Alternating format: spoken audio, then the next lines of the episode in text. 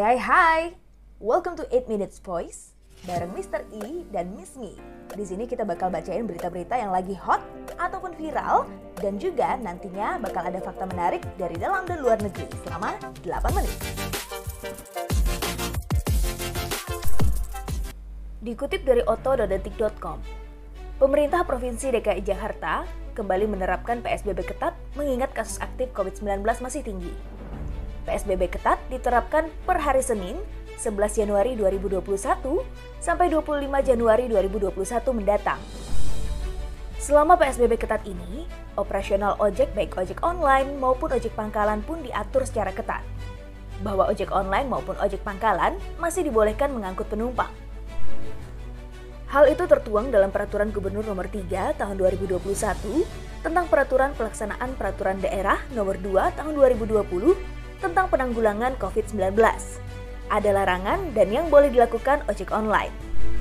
Yang pertama dalam peraturan itu tertulis bahwa ojek online dan ojek pangkalan diperbolehkan mengangkut penumpang dan wajib menerapkan protokol pencegahan COVID-19.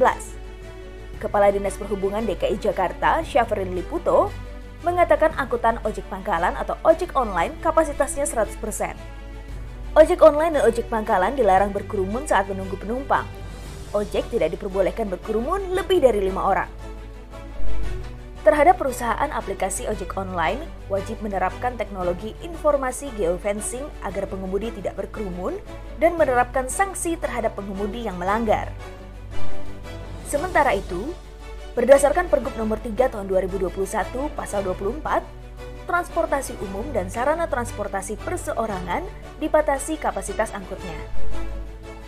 Adapun ketentuan pembatasan kapasitas transportasi antara lain A Kapasitas angkut mobil penumpang, mobil bus, angkutan perairan, angkutan perkereta apian paling banyak 50% dari kapasitas angkut.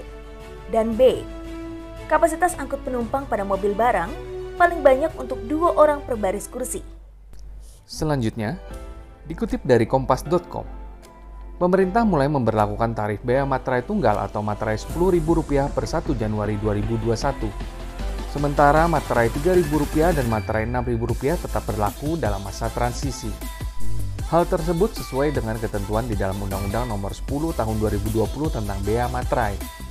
Dalam regulasi teranyar itu, kedua materai lama hanya bisa digunakan sampai 31 Desember 2021.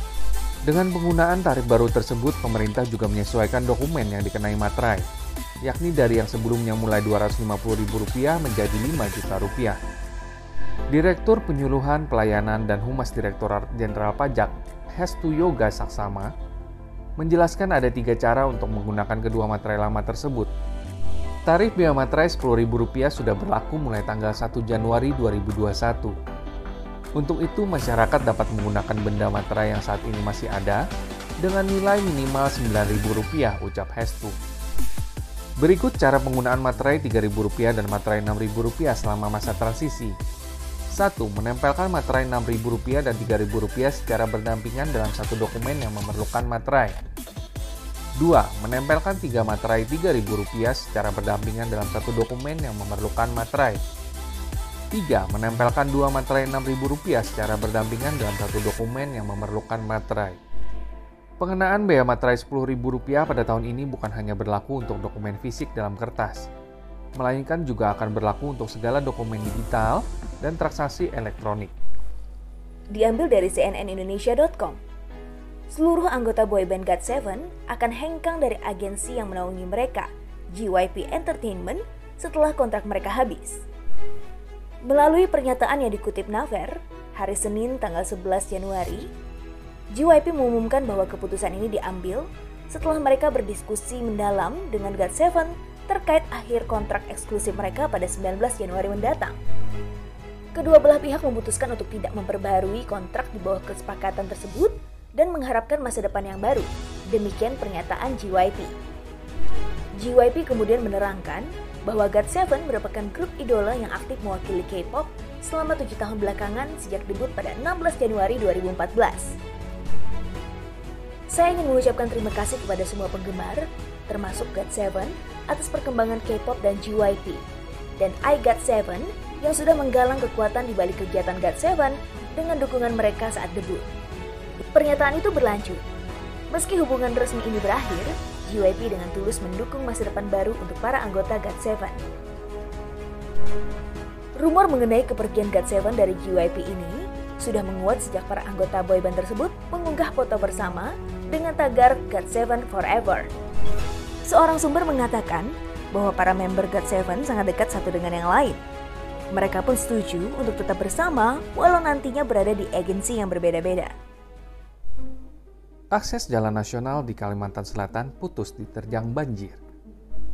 Dikutip dari CNN Indonesia, Ruas jalan nasional di Provinsi Kalimantan Selatan yang menghubungkan antar kabupaten dan kota putus akibat diterjang banjir pada Kamis pagi 14 Januari 2021. Namun begitu, menurut Sekretaris Daerah Kabupaten Banjar Muhammad Hilman, kerusakan bukan terjadi pada badan jembatan, melainkan pada oprit atau urukan tanah jembatan.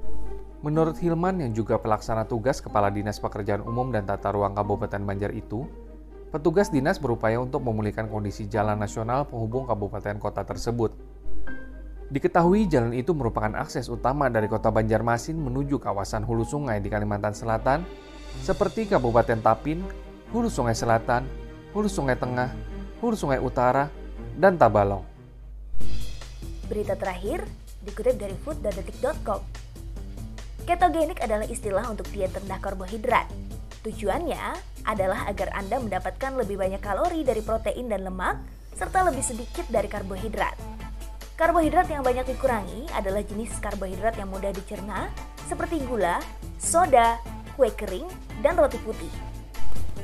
Cara kerja diet keto ini adalah ketika Anda makan kurang dari 50 gram karbohidrat sehari, tubuh Anda pada akhirnya akan kehabisan bahan bakar atau gula darah yang dapat digunakan dengan cepat. Ini biasanya membutuhkan waktu 3 hingga 4 hari.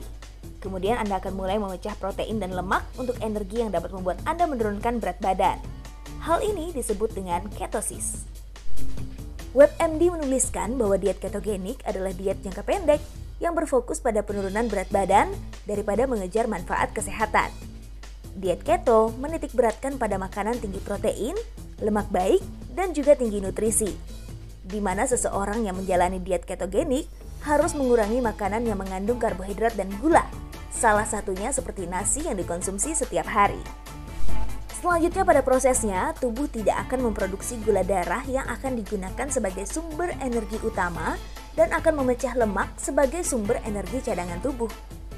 Berikut daftar makanan yang bisa dikonsumsi oleh orang yang menjalani diet keto. Yang pertama telur, daging merah, ayam, sosis, steak, kalkun, dan bacon. Ikan salmon, tuna, makarel, sarden, buah alpukat dan stroberi, kacang-kacangan seperti almond, chia seed, kenari, dan jenis kacang-kacangan lainnya. Hanya saja, US News and World Report menempatkan diet keto pada posisi 38 dari 39 jenis diet untuk penghargaan Best Diet 2021. Seperti dilansir CNN, panel ahli kesehatan yang terdiri dari ahli jantung, diabetes, nutrisi, diet, dan obesitas memberikan nilai rendah pada diet keto karena beberapa hal. Di antaranya, karena diet keto sangat ketat dan sulit diikuti. Diet keto juga menghilangkan seluruh kelompok makanan yang mana hal ini tidak direkomendasikan dalam pedoman diet. Oke okay guys, itu dia 8 Minutes Voice bareng Mr. E dan Miss Me. See you next time. Bye bye.